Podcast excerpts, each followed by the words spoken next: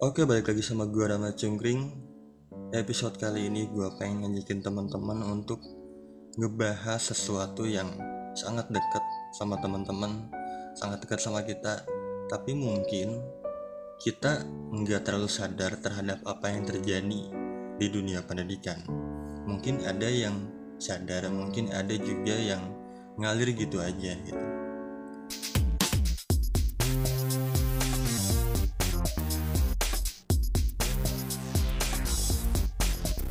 Nah, ketertarikan gua tentang pendidikan ini, tentang topik ini berawal dari gua nonton stand up-nya Panji. Panji Pragiwaksono. Kalau nggak salah di special show-nya Mesake Bangsaku. Nah, di situ dia ngebahas tentang uh, pendidikan Indonesia. Ketika gue setel, uh, setelah nonton, gue melihat masih banyak ternyata dari sistem in, pendidikan Indonesia yang dirasa kurang tepat. Kenapa gue bilang kurang tepat? Karena kalau misalkan gue bilang itu salah, pertama gue belum tahu juga jawaban yang benernya seperti apa. Yang kedua, gue terkesan memihak gitu.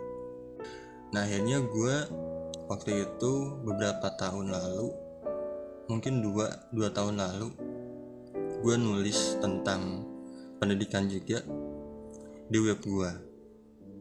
Cuman memang belum sempat gua upload. Sampai akhirnya beberapa hari lalu gue buka lagi web itu.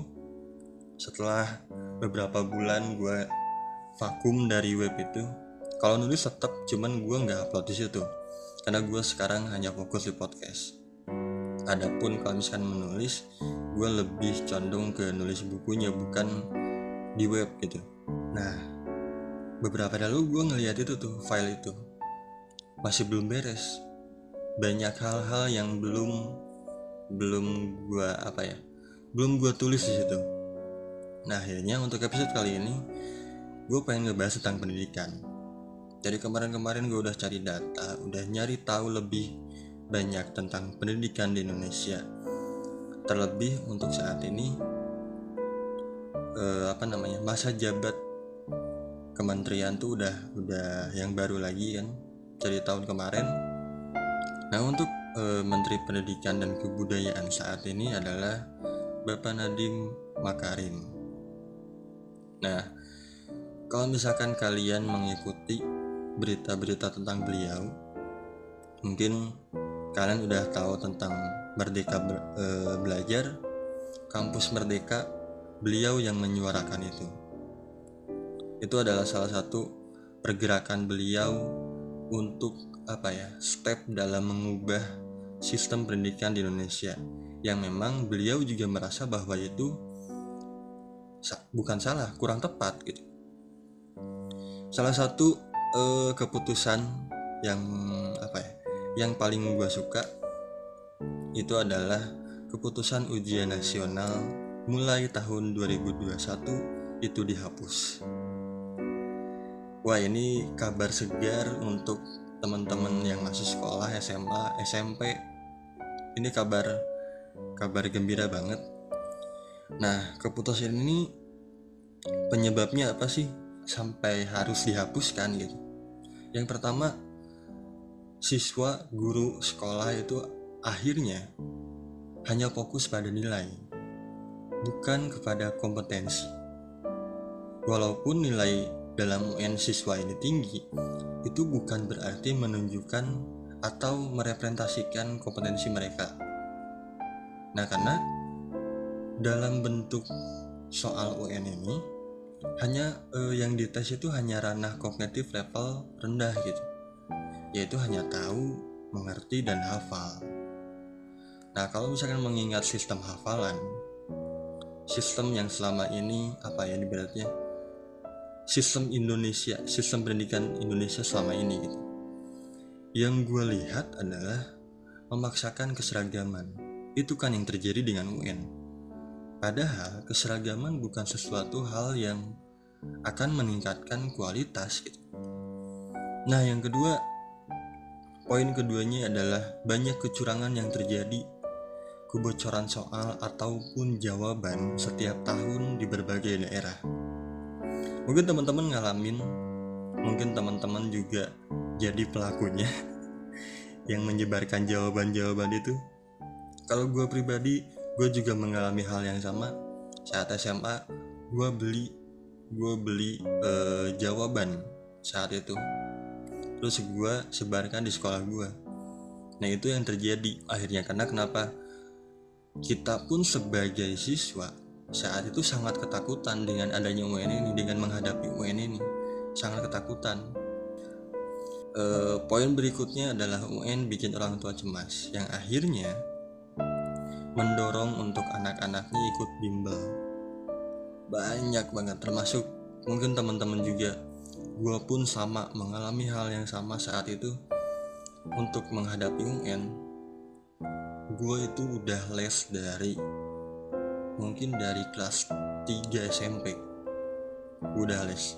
Jadi selama 4 tahun dari kelas 3 SMP sampai lulus SMA itu gue les. Gila bayangin. Gue mempersiapkan UN sebegitu lamanya untuk menghadapi UN mungkin kalau misalkan teman-teman ngalamin ngerasain ya capeknya kayak gimana kalau gue sih ngerasain sekolah masih agak santai. Sekolah gue waktu itu pulang masih jam 12 jadi masih masih agak enak lah. Jam les itu biasanya sore sampai ke malam jam 8 jam 9 baru selesai. Tapi gue masih punya waktu untuk seenggaknya kumpul sama teman-teman. Nah tapi keadaan itu berubah sejak mungkin tahun berapa ya? Gue kuliah mungkin dari tahun 2011 mungkin ya? 2011 2012 gue lupa. Sekolah itu udah mulai dari pagi dari jam 7 pagi sampai rata-rata jam 3 jam 4 baru selesai. Terutama sekolah negeri ya. Kalau sekolah swasta mungkin masih banyak yang jam 12 jam 1 udah pulang. Tapi untuk eh, sekolah-sekolah apalagi sekolah-sekolah unggulan sekolah negeri mereka tuh uh, jam sekolahnya sampai sore cuy. Nah poin berikutnya pihak sekolah merasa tertekan kalau ada atau bahkan banyak yang gak lulus. Ini kejadian banyak banget. Banyak sekolah-sekolah yang ibaratnya kayak menutup-nutupi ada siswanya yang gak lulus UN karena mereka nggak mau mendapatkan apa ya nggak mau citra mereka jadi buruk di masyarakat. Nah jadi keputusan UN dihilangkan menurut gua itu sangat tepat. Menurut gua ya kalau kalian tahu kalau misalkan menurut kalian pandangannya seperti apa. Tapi kalau menurut gua keputusan UN dihilangkan itu adalah keputusan yang luar biasa baiknya gitu. Karena menurut gue pun pemerintah tidak berhak menilai siswanya lulus atau enggak. Ibaratnya gini, kalian selama 3 tahun sekolah SMA, pemerintah kan nggak tahu prosesnya seperti apa. Pemerintah tuh nggak tahu prosesnya kalian belajar seperti apa. Tiba-tiba harus diputuskan hanya dengan UN. Itu kan gak fair gitu. Yang tahu prosesnya kalian seperti apa kan sekolahnya sendiri, guru kalian sendiri makanya gue menilai bahwa nggak fair aja gitu kak ketika kalian udah selama tiga tahun sekolah berproses selama tiga tahun harus diputuskan lulus atau enggaknya dengan UN karena gini penilaian sekolah tuh banyak faktornya. Bukan hanya bukan hanya dari ujian akhir sekolah. Hal yang paling paling simpel ya paling sederhana. Kayak ujian kan gak selalu pilihan ganda ya nggak? Akan selalu ada esai. Dan kadang-kadang kita tuh sebagai siswa saat itu kita justru ngeluhnya bukan di bukan di pilihan ganda. Pilihan ganda ibaratnya kita bisa kalau nggak tahu jawabannya kita bisa ngasal ya nggak tapi kalau di esai itu kita bener-bener harus paham dulu materinya seperti apa. Harus paham dulu kita harus tahu dulu nih bukan hanya sekedar hafal tapi harus benar-benar ngerti. Terus di sana di sekolah juga ada tes kemampuan presentasi. Yang menurut gue ini sangat penting gitu di dunia kerja. Banyak orang yang gue lihat dia ibaratnya kayak lulusan terbaik ataupun IPK-nya bagus. Dia kelihatan pinter tapi ketika dia berdiri di depan harus presentasi dia ngeblank. Banyak yang seperti itu banyak banget. Dan masih banyak faktor-faktor lain yang yang menurut gue memang sekolah yang berhak gitu menentukan si anaknya ini lulus atau enggak. Nah kalau ngomongin UN UN itu sebenarnya diperuntukkan untuk menguji di mana sebenarnya level sekolah tersebut. Untuk pemetaan sekolah bukan untuk siswanya. Jadi eh, UN ini adalah salah satu indikator untuk rapot sekolah bukan untuk siswanya. Jadi gue nggak tahu uh, sejak kapan awalnya uh, apa ya menerjemahkan UN ini menjadi salah gitu. Nah mungkin kita harus harus flashback ke belakang. Sejarah UN sejarah UN tuh awalnya dari kapan sih? Mungkin teman-teman ada yang tahu dari 2009 atau 2010 tapi sebenarnya UN itu udah ada dari zaman dulu. UN itu ujian nasional bermula pada tahun 1950 ketika itu UN masih memakai nama ujian penghabisan. Soal-soal diuji saat itu berbentuk esai. Berbentuk esai loh saat itu. Dan hasil ujiannya diperiksa di pusat rayon. Nah untuk ujian penghabisan bertahan hingga tahun 1964 berarti sekitar 14 tahun. 14 tahun bertahan nah pada tahun 1965 hingga 1971 pergantian nama terjadi lagi yang asalnya namanya ujian penghabisan berubah menjadi ujian negara.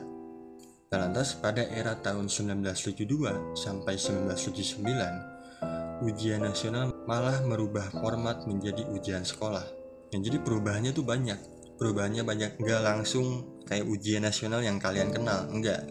Nah saat itu, saat 1979, pemerintah hanya menyusun paduan dan pedoman umum Sementara pembuat soal itu diserahkan kepada pihak sekolah. Nah ini yang menarik. Ini yang menurut gue menarik karena e, mungkin teman-teman juga tahu ya untuk UN saat ini atau beberapa tahun ke belakang soalnya itu kan dibikin bukan sama pihak sekolah tapi sama pemerintah pusat gitu. Nah saya itu beranjak dari tahun 1979 pada tahun 1980 ujian kembali digelar berskala nasional dengan nama baru yaitu evaluasi belajar tahun akhir nasional atau yang kita kenal Eptanas. Format Eptanas ini bertahan cukup lama yaitu 20 tahun. Pada masa ini, penentuan kelulusan adalah gabungan dari nilai mata pelajaran yang diujian saat Eptanas dan mata pelajaran ujian saat ujian harian.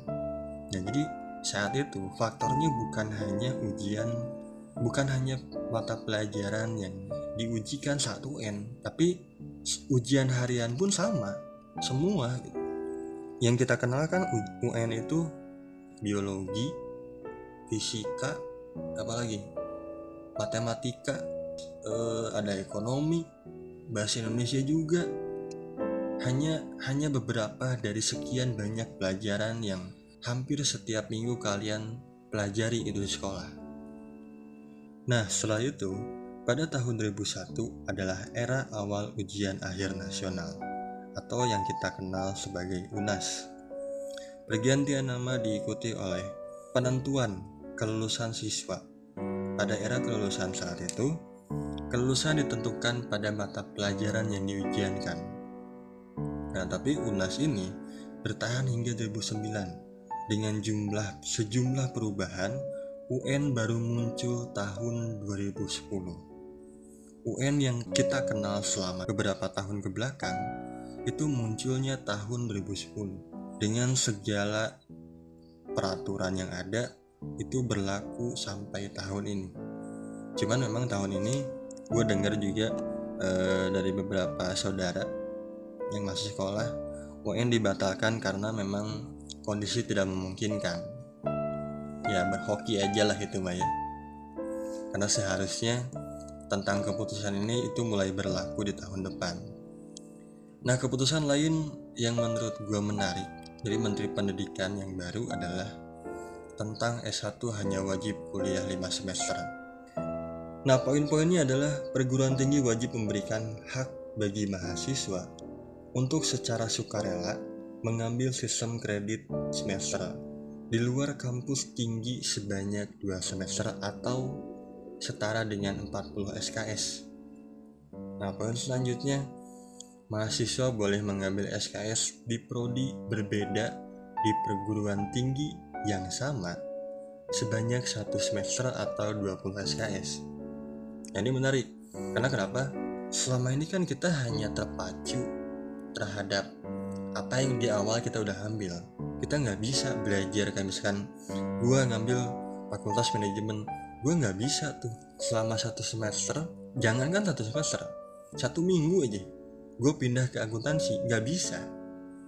Nah dengan adanya keputusan seperti ini menurut gue gue jadi bisa lebih tahu eh, fakultas lain itu seperti apa gitu nah tapi selanjutnya poin selanjutnya adalah kebijakan ini tidak berlaku untuk prodi kesehatan nah si ketentuan ini eh, mulai berlaku pada tahun ini dan sudah diumumkan waktu bulan Januari tanggal 24 kemarin.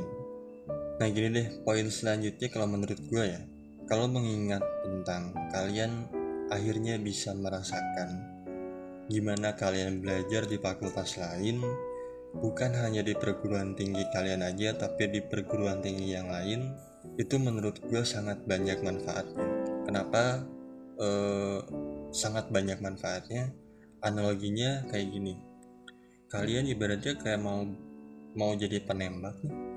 Kalian mau jadi sniper tapi kalian cuman belajar di ruang tertutup dengan target yang bulat yang biasanya tanpa ada gangguan apa pun. Ya ibaratnya kalian hanya jago di situ aja. Tanpa kalian terjun ke lapangan tanpa kalian tahu lapangan lain medannya seperti apa itu nggak akan nggak akan cukup membantu. Nggak akan cukup membantu. Beda halnya ketika kalian belajar di luar di luar di alam terbuka. Kalian ketika misalkan pengen jadi penembak pengen jadi sniper kalian harus memperhitungkan arah mata angin jarak juga jarak yang dekat harus seperti apa jarak yang jauh harus seperti apa. Atau yang lebih simpelnya analogi yang lebih simpel gue dengar dari podcastnya di Komposer episodenya ini juga episode uh, sama menteri juga analoginya kayak gini dari bapak menteri. Ibaratnya kalian setelah lulus kan kalian mau berenang di laut ibaratnya tapi selama 4 tahun kalian tuh cuma berenang di kolam renang aja gitu. Kalian gak belajar berenang di laut selama 4 tahun. Tiba-tiba setelah lulus kalian harus berenang di laut bukan di kolam renang setelah lulus tuh. Kalian tuh udah dilepas ke laut. Ya gimana caranya kalian bisa gitu? Gimana caranya kita bisa berenang di laut kalau selama 4 tahun kita nggak coba belajar di laut berenang harus seperti apa? Asik banget analoginya. Nah sama kuliah juga sama kayak gitu gitu. Belajar sama kayak gitu. Nah itu adalah tentang keputusan-keputusan beliau sejauh ini. Yang gue tahu, yang gue temukan ya. Nah tapi kalau misalkan ngomongin pendidikannya sendiri tentang definisinya dulu deh. Definisi pendidikan itu apa sih? Definisi pendidikan itu dapat diartikan sebagai suatu metode untuk mengembangkan keterampilan, kebiasaan, dan sikap-sikap yang diharapkan dapat membuat seseorang menjadi lebih baik. Nah, pengertian lain menurut para ahli, salah satunya ada Aristoteles. Pendidikan adalah satu, eh, satu fungsi dari suatu negara dan dilakukan terutama setidaknya untuk tujuan negara itu sendiri. Negara adalah institusi tertinggi yang meng mengamankan tujuan tertinggi atau kebahagiaan manusia. Pendidikan adalah persiapan atau bekal untuk beberapa aktivitas atau pekerjaan yang layak. pendidikan semestinya dipandu oleh undang-undang untuk membuatnya sesuai dengan hasil analisis psikologis dan mengikuti perkembangan secara bertahap, baik secara fisik maupun secara mental. Nah, kalau misalkan menurut psikologi sendiri, pendidikan adalah mencakup segala bentuk aktivitas yang akan memudahkan dalam kehidupan bermasyarakat. Nah, itu kita udah tahu ya tentang definisi pendidikan secara umum dari dari ah dari para ahli salah satunya adalah Aristoteles dan menurut psikologi juga. Sekarang kita coba cari tahu. Kita cari tahu tentang fakta pendidikan di Indonesia.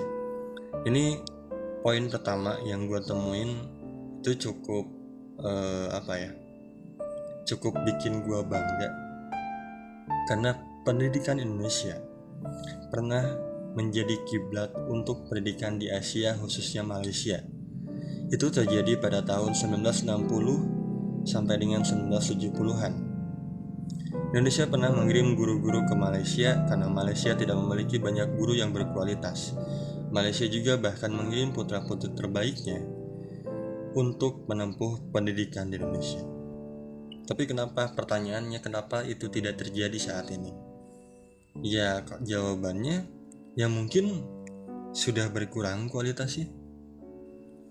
Poin kedua, sejak tahun 1947 Indonesia sudah mengganti setidaknya beberapa kali kurikulum 9 9 sampai 9 kalau saya 9 kali mulai dari tahun setelah 1447 eh 1947 perubahan pertama itu terjadi di tahun 1952 yang kedua itu terjadi di 1964 yang ketiga 1975 yang keempat 1984 yang kelima 1994 yang keenam 1999 nah selanjutnya tahun 2004 selanjutnya lagi berubah pada tahun 2006 nah yang terakhir yang paling baru kurikulum berubah adalah saat tahun 2013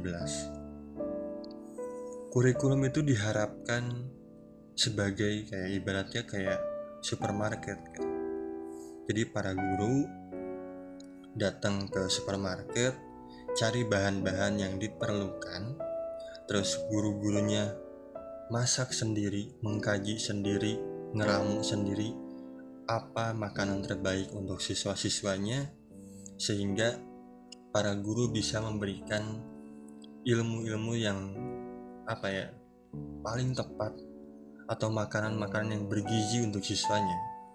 Nah ini menurut gue analogi yang sangat menarik ya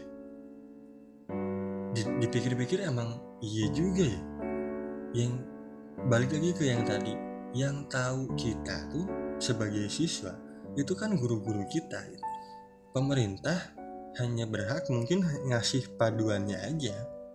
Tidak semerta-merta dengan perintilan-perintilannya gitu. Nah yang selanjutnya pendidikan itu mahal. Biaya pendidikan itu mahal. Kita semua tahu bahwa biaya pendidikan memang sangat mahal. Saking mahalnya, banyak anak, banyak siswa di luar sana yang putus sekolah. Banyak orang tua yang akhirnya memutuskan anaknya tidak melanjutkan sekolah karena tidak sanggup membayar biayanya. Pendidikan sekolah di sekolah negeri aja saat gue nggak tahu tahun berapa cuman kalau nggak salah waktu itu masih bayar bayar apa ya waktu dulu SPP atau apa gitu uang masuk dan lain-lain ya itu lumayan gede biayanya. Untuk uh, teman-teman atau untuk kita semua yang menengah atas itu mungkin dirasa mudah gitu. Sangat dirasa mudah. Tapi untuk teman-teman kita di luar sana yang menengah ke bawah ibaratnya buat makan aja udah sangat sulit. Untuk biaya hidup sehari-hari udah sangat sulit. Makanya kenapa kalau misalkan kalian ketemu sama apa ya? Pengemis deh. Pengemis banyak kan yang anak-anaknya banyak banget gitu. Bahkan saking mereka membutuhkan uang untuk biaya hidup mereka orang tuanya tuh nyuruh anaknya jadi pengemis gitu.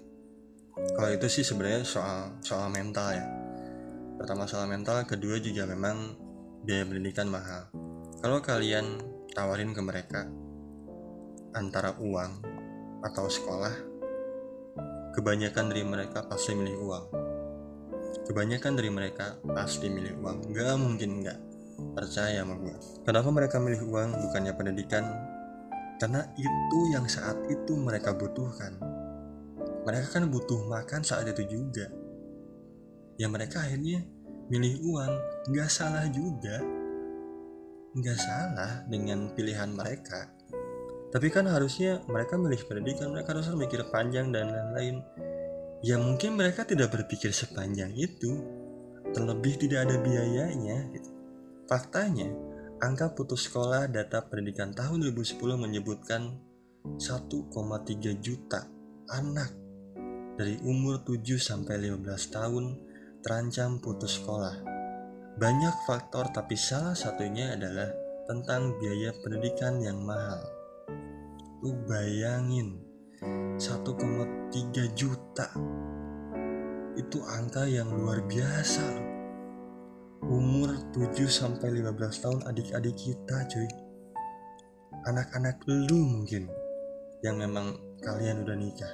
Lu bisa bayangin gak Gak salah ketika uh, Orang tua sekarang tuh Wah gila gila banget ya kerjanya. Mungkin kalian juga sering sering dapat apa ya nasihat dari orang tua. Sekolah yang tinggi dan lain-lain.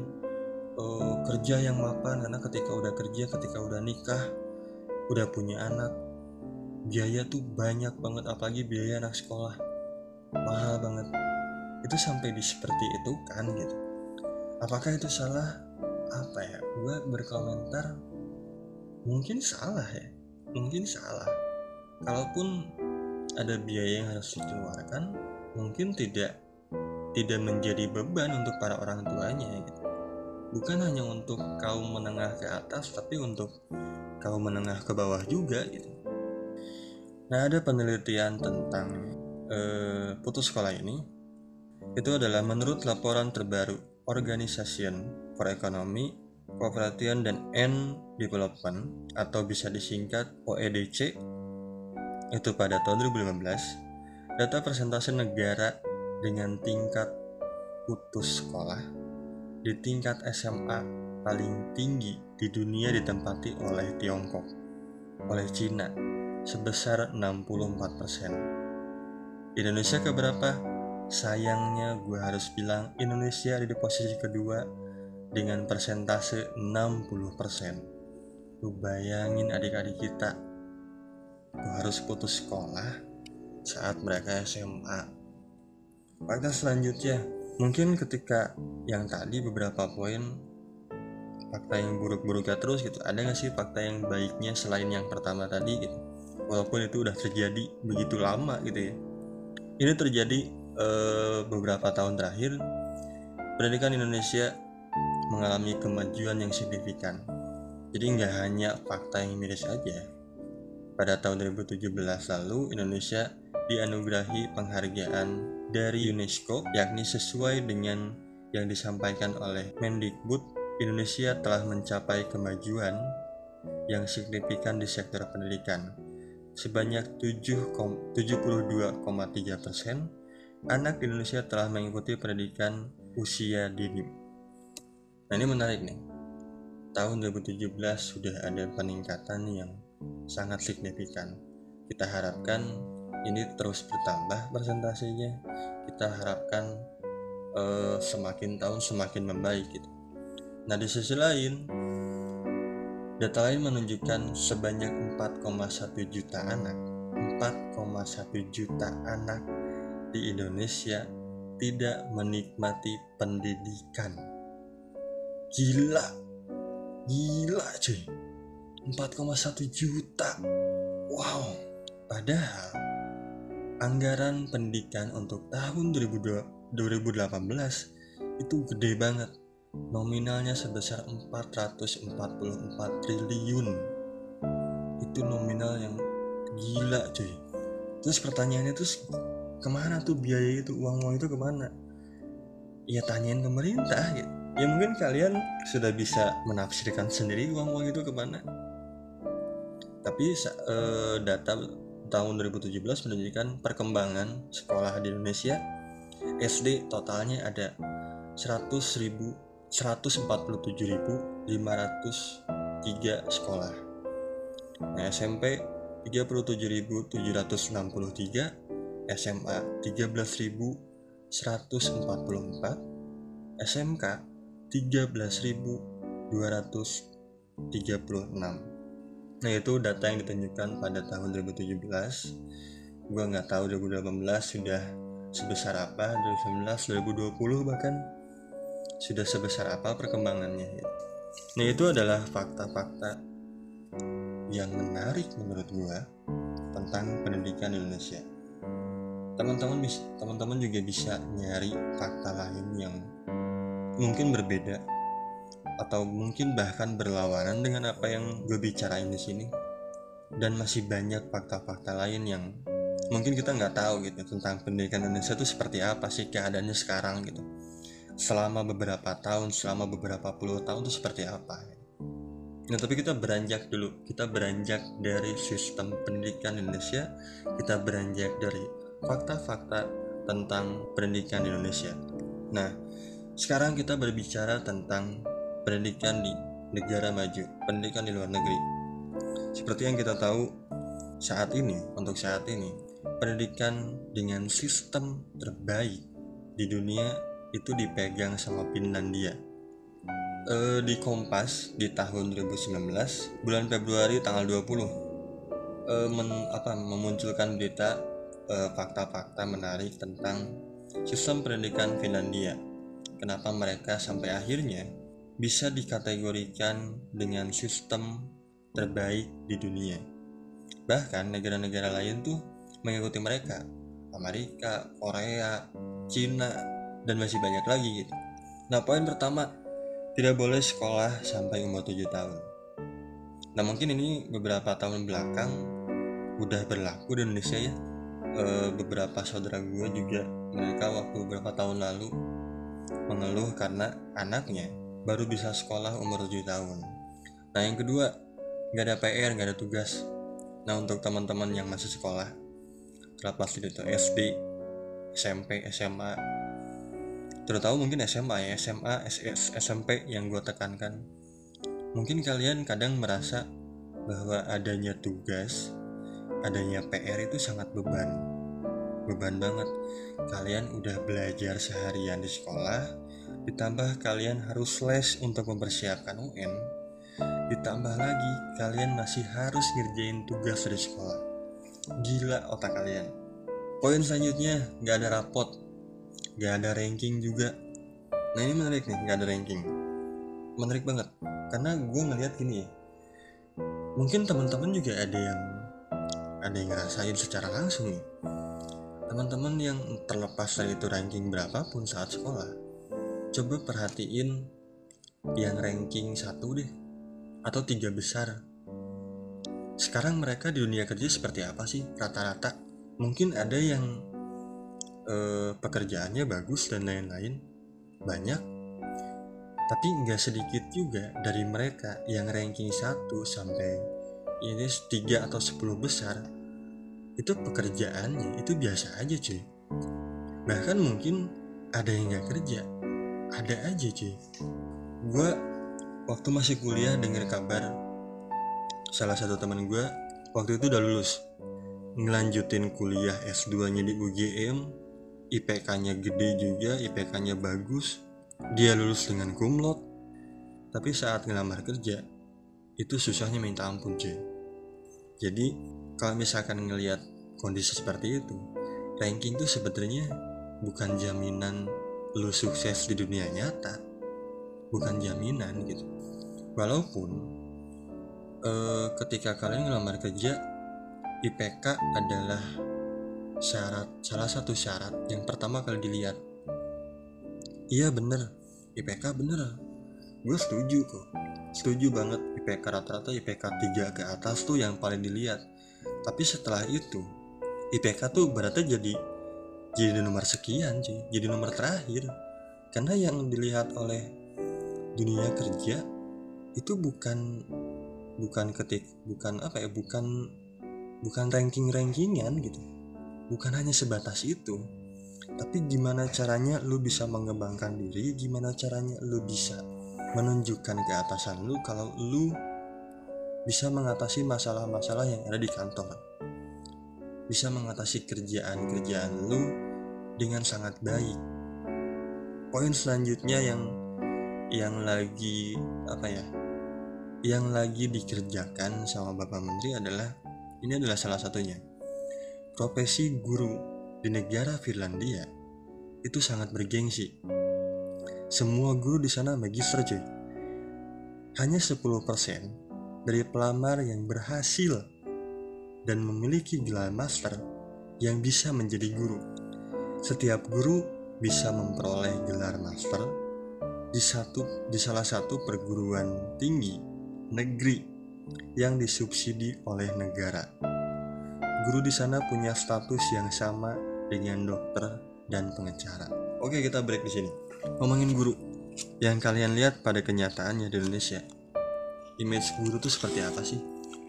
profesi guru tuh sebergengsi apa sih?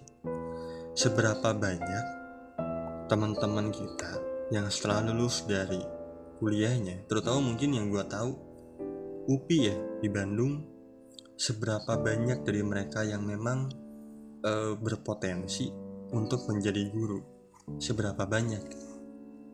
Yang mau mungkin banyak ya, hanya kalau hanya sekedar yang mau untuk menjadi guru terlepas apa pun itu alasannya banyak tapi yang memang ibaratnya apa ya bisa dibilang layak untuk menjadi guru itu berapa persen?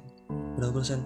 Kadang gue ngelihat orang-orang yang apa ya yang sebenarnya dia tidak tidak punya kapasitas untuk menjadi guru tapi dia jadi guru. Yang akhirnya berdampak ke ke mana ke, ke siswa-siswanya juga. Ketika lu nih atau misalkan ketika gua gua tuh nggak layak tau jadi guru. Gua tuh nggak layak jadi guru tiba-tiba gua ngelamar ke sekolah jadi guru. Terus sekolahnya nerima-nerima aja. Gua yang gak layak tiba-tiba ngajar mereka gitu. Yang belum tentu ilmu yang gua dapat juga itu bener-bener apa ya bener-bener bisa diaplikasikan sama mereka gitu. jadi ini juga cukup penting cukup penting. Mungkin bukan cukup lagi, sangat penting. Guru itu benar-benar harus diperhatikan. Dan bersyukurnya, bersyukurnya pemerintah saat ini mulai memperhatikan itu. Kementerian Pendidikan dan Budaya saat ini sangat memperhatikan itu. Gua cukup e, berterima kasih tentang hal ini gitu ya. Karena kalau e, berkaca ke negara Finlandia, walaupun mungkin e, apa ya kalau ngomongin tentang disubsidi oleh negara masih dirasa sangat sulit masih dirasa sangat sulit tapi kan poin-poin yang lainnya itu masih bisa dilakukan terus poin selanjutnya guru di Finlandia menghabiskan 4 jam sehari di kelas dan memiliki dua jam setiap minggu untuk mengembangkan profesional untuk pengembangan profesional nah jadi Guru-guru di sana hanya mengajar 4 jam sehari. Cuman 4 jam doang cuy. Nah di kita berapa jam? Ada yang mungkin cuma satu sekolah. Gimana dengan guru-guru yang ngajar di sekolah A misalkan terus ngajar juga di sekolah B? Itu yang mereka kejar sebetulnya balik lagi kan ke materi gitu. Nah berarti ada fakta lain yang menarik yang bisa dilihat dari situ bahwa kehidupan para guru di Indonesia itu tuh belum sejahtera belum benar-benar sejahtera nah selanjutnya di Finlandia kelas yang sama berlaku untuk semua siswa terkecuali untuk siswa-siswa yang memiliki kebutuhan khusus. Nah jadi gak di sana tuh nggak ada ceritanya tuh. Ada kelas unggulan. Nggak akan ada. Kalian nggak akan nemuin kelas unggulan. Tapi kalau di Indonesia terutama mungkin di kampus-kampus kalian bisa banyak banget nemuin kelas unggulan satu unggulan dua. Di sana nggak ada cuy. Nah poin selanjutnya adalah sekolah sepenuhnya didanai negara. Dengan begitu sistem pendidikan di Finlandia membuka ruang-ruang selebar-lebarnya bagi setiap warga negara untuk bisa mengakses pendidikan terbaik dan berkualitas. Selain itu, negara juga memberikan uang makan siang, layanan kesehatan, dan angkutan umum gratis untuk pelajar. Di poin ini balik lagi, mungkin ya, mungkin Indonesia saat ini belum bisa melakukan itu sepenuhnya. Mungkin. Nah, poin terakhir, jam sekolah yang sedikit, jadi sekolah di sana mulai dari jam 8 atau jam 9 pagi dan selesai antara jam 2 sampai jam 3 siang. Nah, pelajar Finlandia berkesempatan memiliki jam istirahat 75 menit per hari. Jadi setiap 45 menit itu ada istirahat 15 menit. Nah, mungkin di sini juga untuk jam istirahat yang apa ya selalu datang ketika selesai pelajaran itu bisa efektif bisa enggak itu sebetulnya baik lagi ke orangnya yang memanfaatkan jam istirahat tapi kalau kalau alasan Finlandia melakukan ini sepengetahuan gue adalah biar si murid-muridnya punya ibaratnya punya istirahat dulu. Dia biar tenang dulu karena udah e, menyerap pelajaran yang sebelumnya dia kasih waktu untuk istirahat biar dia bisa menerima pelajaran selanjutnya. Cuman kalau gue pribadi pun kadang ngerasa waktu masih sekolah kita masih pusing nih dengan ibaratnya kayak udah belajar tentang matematika. Matematika tuh kan ribet banget ya pelajarannya walaupun itu sebenarnya ilmu pasti tapi kan faktanya nggak semua orang suka kan matematika gitu. Karena itu lumayan susah cuy. Bukan yang mudah itu tuh matematika tuh. Lu mungkin akan mengakui ini gitu. Ketika di dunia kerja ya mungkin lu nggak ngerasa sesusah waktu masih sekolah gitu. masih banyak apa rumus-rumus yang sebetulnya nggak nggak kepake gitu. Nah saat saat uh, ketika udah belajar matematika ketika kalian masih pusing-pusingnya dengan soal yang dikasih sama guru atau materi yang dikasih sama guru tiba-tiba kalian harus harus siap menerima pelajaran selanjutnya. Masih mending kalau misalkan pelajaran selanjutnya olahraga. Masih bisa santai-santai dulu. Ini udah matematika kita semua harus dihadapkan dengan pelajaran kimia. Wah gila cuy. Uh, eh, gue nggak tahu kalau teman-teman kayak gimana ya. Kalau waktu itu gue ngalamin uh, semasa sekolah di kelas gue tuh nggak efektif kurang efektif. Setidaknya setengah jam pertama, pelajaran selanjutnya selalu tidak efektif.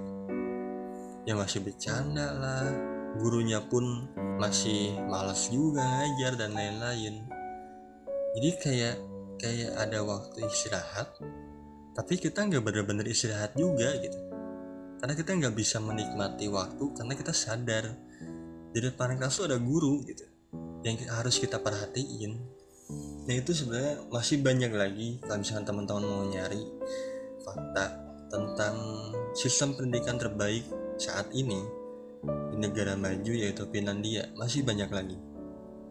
Tapi kalau ngomongin pendidikan, sebetulnya kan pendidikan tuh bukan dari akademis aja, bukan dari sekolah aja. Kita kita setuju bahwa kita bisa mendapatkan pendidikan, kita bisa belajar dari mana pun, bukan dari sekolah aja. Kayak misalkan gini deh, kalian senang main bola, atau kalian senang basket, kalian pasti tahu salah satu pemain tim terbaik kalian gitu. Itu diajarin dari sekolah? Enggak. Tapi kenapa kalian bisa tahu? Karena kalian penasaran, karena kalian pengen tahu, karena kalian berminat untuk tahu itu akhirnya kalian jadi tahu sendiri nah seharusnya menyangkut pendidikan yang akademis juga gue setuju dengan argumennya Panji bahwa seharusnya anak-anak anak-anak ini itu dibikin minat jangan selalu dipaksa dijijelin semua pelajaran yang akhirnya nggak semua bisa juga. Sama halnya kayak pendidikan di lingkungan keluarga. Lingkungan keluarga tuh kan apa ya lingkungan paling dekat. Kita bisa banyak belajar dari keluarga kita dari orang tua kita saat masa kecil. Tapi terkadang terkadang gini ketika teman-teman ketika gue pribadi pun ngalamin yang sama ketika gue nggak bisa di satu pelajaran ketika gue tidak tidak benar-benar memahami pelajaran tersebut akhirnya penilaian orang tua apa sih? Pasti rata-rata ah bego lu bodoh. Ya nggak sih? Karena pasti setuju dengan argumen itu gitu. Karena memang ya seperti itu penilaian mereka gitu. tapi ketika ketika kalian senangnya di dunia musik atau kayak di dunia seni terlepas apa pun itu terlepas. Teater ke apa pun itulah. Atau misalkan kayak gini gue seneng podcast. Orang tua tuh mikirnya ngapain sih? Lu ngapain? Udah itu mah cuma hobi doang gak usah terlalu ditekenin banget lah gitu. Udah lu belajar yang bener gitu. Lu belajar yang bener biar lu bisa bisa lulus dengan nilai terbaik lu bisa kuliah di fakultas terbaik di universitas terbaik lu bisa lulus dengan kumlot akhirnya lu bisa kerja di perusahaan besar. Nah tapi kan sebenarnya pada kenyataannya nggak seperti itu juga gitu. Nggak selalu lu yang apa teman-teman kita yang kuliahnya bisa selesai dengan cepat tiga setengah tahun bahkan bahkan tiga tahun. Banyak cuy yang tiga tahun. Gue kuliah di Universitas Yudiatama di Bandung. Gue waktu itu telat banget tapi banyak teman-teman yang di bawah gue itu udah apa tiga tahun kuliah udah lulus. Bahkan belum bener-bener nginjek tiga tahun udah lulus.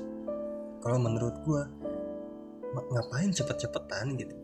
Oke lulus cepet baik. Tapi ketika ketika apa setelah lulus akhirnya kalian gak dapat apa-apa terus kalian bingung kerja nyari kerja emang susah untuk dapat kerja emang susah faktanya pada akhirnya apa? Mereka kan ngelanjutin kuliah lagi. Tapi beda beda halnya sama orang-orang kayak misalkan orang-orang yang aktif di kampusnya bukan hanya belajar bukan hanya belajar di kelas gitu bukan hanya tentang akademik tapi mereka yang aktif di organisasi yang punya banyak link. Gue perhatiin di lingkungan gue pribadi orang-orang yang seperti itu bahkan cenderung jauh lebih cepat perkembangannya kalau gue perhatiin ya orang-orang seperti itu jauh lebih cepat perkembangannya gue nggak tahu kalau lingkungan lu seperti apa. Tapi kalau di lingkungan gue pribadi orang-orang kayak gitu orang-orang yang dulunya ibaratnya lama kuliahnya karena mereka aktif di organisasi atau misalkan bahkan mereka sambil kerja ketika lulus dan mereka e, benar-benar masuk dunia kerja mereka tuh perkembangannya cepat dibanding sama orang-orang yang cepat lulusnya gitu. dengan nilai kumlot memang memang banyak orang-orang seperti itu yang diterima di perusahaan besar. Tapi kita jangan menutup mata sama orang-orang yang mereka lulus cepat kumlot tapi sampai saat ini belum kerja. Kita juga jangan nutup mata ke situ gitu. Nah itu yang terjadi di lingkungan kita sendiri di keluarga. Bahwa ketika lu punya punya minat, punya bakat di dunia pendidikan yang lain bukan hanya pelajaran biologi, matematika, bahasa Inggris dan lain sebagainya. Itu jadi jadi kayak apa ya? Gue bisa bilangnya analoginya gini. Lu nggak seneng nih dengan pelajaran-pelajaran itu karena lu minatnya misalkan di dunia seni. Akhirnya yang lu serap itu nggak maksimal karena lu nggak seneng. Nah tentang yang lu minati karena lu nggak punya waktu untuk menekuni itu bahkan mungkin dilarang sama orang tuanya akhirnya lu menggeluti itu tapi nggak bisa maksimal juga. Akhirnya dua-duanya setengah-setengah 50-50 gitu. kalian jadi jadi nggak ke mana-mana akhirnya. Padahal padahal mungkin banyak teman-teman kita yang, yang memang dia sebenarnya berbakat di dunia seni. Atau apa pun itu gitu. Tapi karena dia dijijelinnya pelajaran-pelajaran yang dianggap dianggap pintar ketika nilainya besar akhirnya kayak kayak gitu gitu. Yang kalian temen yang teman-teman lihat ya cukup cukup miris itu makanya makanya mungkin teman-teman bisa ngelihat orang-orang yang pintar secara akademik ya orang-orang yang bisa dikategorikan pintar dengan penilaian yang tadi ya terkadang eh, aspek-aspek yang lainnya kurang gitu. Kayak apa ya public speakingnya kurang atau apa pun itu ini kurang. Uh, terlebih dari kayak kepercayaan dirinya kurang masih banyak. Mereka akhirnya cuman kerja di belakang layar komputer nah itu sebenarnya pendidikan tuh bukan hanya tentang di akademik tapi di lingkungan keluarga untuk para orang tua tuh sangat penting ngasih pendidikan yang tepat untuk anaknya. Yang barusan gue bahas tentang pendidikan di lingkungan keluarga. Kalau misalkan kalian nih yang dengerin udah punya anak, terus tiba-tiba anaknya emang nggak minat dengan akademik yang seperti pada umumnya gitu. Dia lebih lebih senang kayak misalkan main gitar, ke dunia seni atau apa pun itu. Ya dukunglah mereka gitu. Kasih mereka kesempatan kasih mereka ruang untuk membuktikan bahwa jalan yang mereka ambil itu emang baik buat mereka. Banyak orang tua ngerasa bahwa orang tua tuh pengalamannya banyak orang tua tuh tahu yang terbaik buat anak. Tapi mereka lupa bahwa zaman tuh udah berubah zaman tuh udah berubah kita bisa lihat buktinya di mana-mana ibaratnya kayak gini emang orang-orang yang ada di TV semuanya punya pendidikan yang tinggi? Enggak juga kan? Emang orang-orang yang terkenal di YouTube, mereka punya penghasilan besar di YouTube, pendidikannya tinggi, pendidikannya bagus, mereka pinter-pinter, kumlot-kumlot, enggak juga.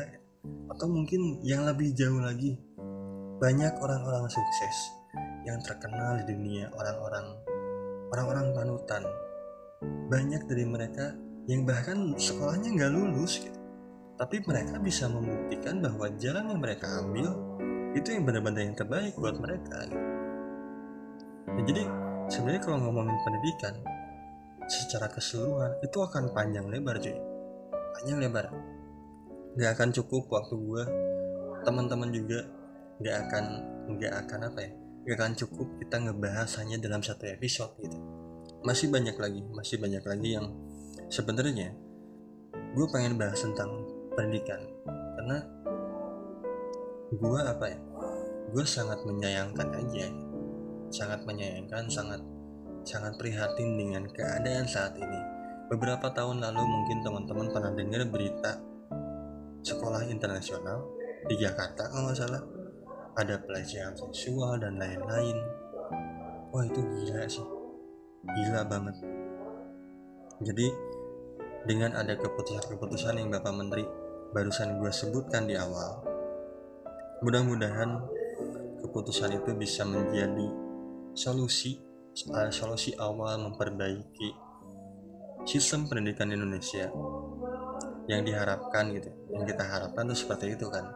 Cuman sebetulnya kalau mengingat ke situ menteri itu kan nggak nggak bisa ngejabat selamanya ya sekarang oke okay, mungkin dalam waktu lima tahun segala sesuatu bisa diperbaiki. Tapi apa kabar ketika menterinya sudah berganti? Apakah punya pemikiran yang sama? Akan tetap meneruskan perjuangan menteri sebelumnya? Atau malah balik lagi ke awal? Kalau menurut gue, kalau misalkan lima tahun ke depan, saat menteri yang baru menjabat tiba-tiba mengambil keputusan, mengambil kebijakan untuk balik lagi ke awal, menteri yang saat ini bekerja itu akan sia-sia. Perjuangan semua guru, semua orang-orang yang terlibat di dunia pendidikan Indonesia itu akan sia-sia. Itu sih satu kekhawatiran gue pribadi. Karena menurut gue keputusan saat ini, keputusan yang beliau ambil itu bagus banget. Gue uh, nonton wawancaranya dia di berbagai sumber. Gue ngedengar pemikiran-pemikiran dia yang emang brilian emang bagus. Emang bagus untuk untuk memperbaiki sistem pendidikan Indonesia. Nah mungkin untuk episode kali ini segitu aja dulu terlepas apa pun yang kita hadapi saat ini. Bukan hanya pendidikan Indonesia bukan hanya sistem pendidikannya aja tapi masih banyak aspek-aspek lain yang harus diperbaiki oleh pemerintah yang lebih jelasnya untuk saat ini pemerintah lagi menghadapi wabah virus corona. Ya kita berdoa apa pun yang pemerintah lakukan itu benar-benar itu benar-benar yang terbaik untuk kita semua. Bukan hanya untuk kepentingan pemerintah aja, tapi memang untuk kepentingan masyarakatnya juga. Episode ngebahas tentang pendidikan, gue cukupkan sekian. Kalau ada teman-teman yang mau berkomentar, teman-teman yang mau ngasih saran, teman-teman bisa kirim email lewat uh, ttmpodcast.story@gmail.com atau teman-teman juga bisa langsung follow Instagram dari TTM Podcast. Itu udah ttm.podcast atau lagi kalau misalkan teman-teman pengen menyuarakan keresahan kalian apa pun itu keresahan bukan hal-hal yang berat aja ya apa pun kalian bisa ngomongin apa pun di sini. Kalian bebas membicarakan keresahan kalian di podcast gue di TTM Podcast. Gue sangat terbuka gue sangat senang untuk menerima kalian di sini. Kalian bisa kontak gue di WhatsApp 087824287590 Oke, gue Rama Cungkring. Sekian dari gue, gue pamit.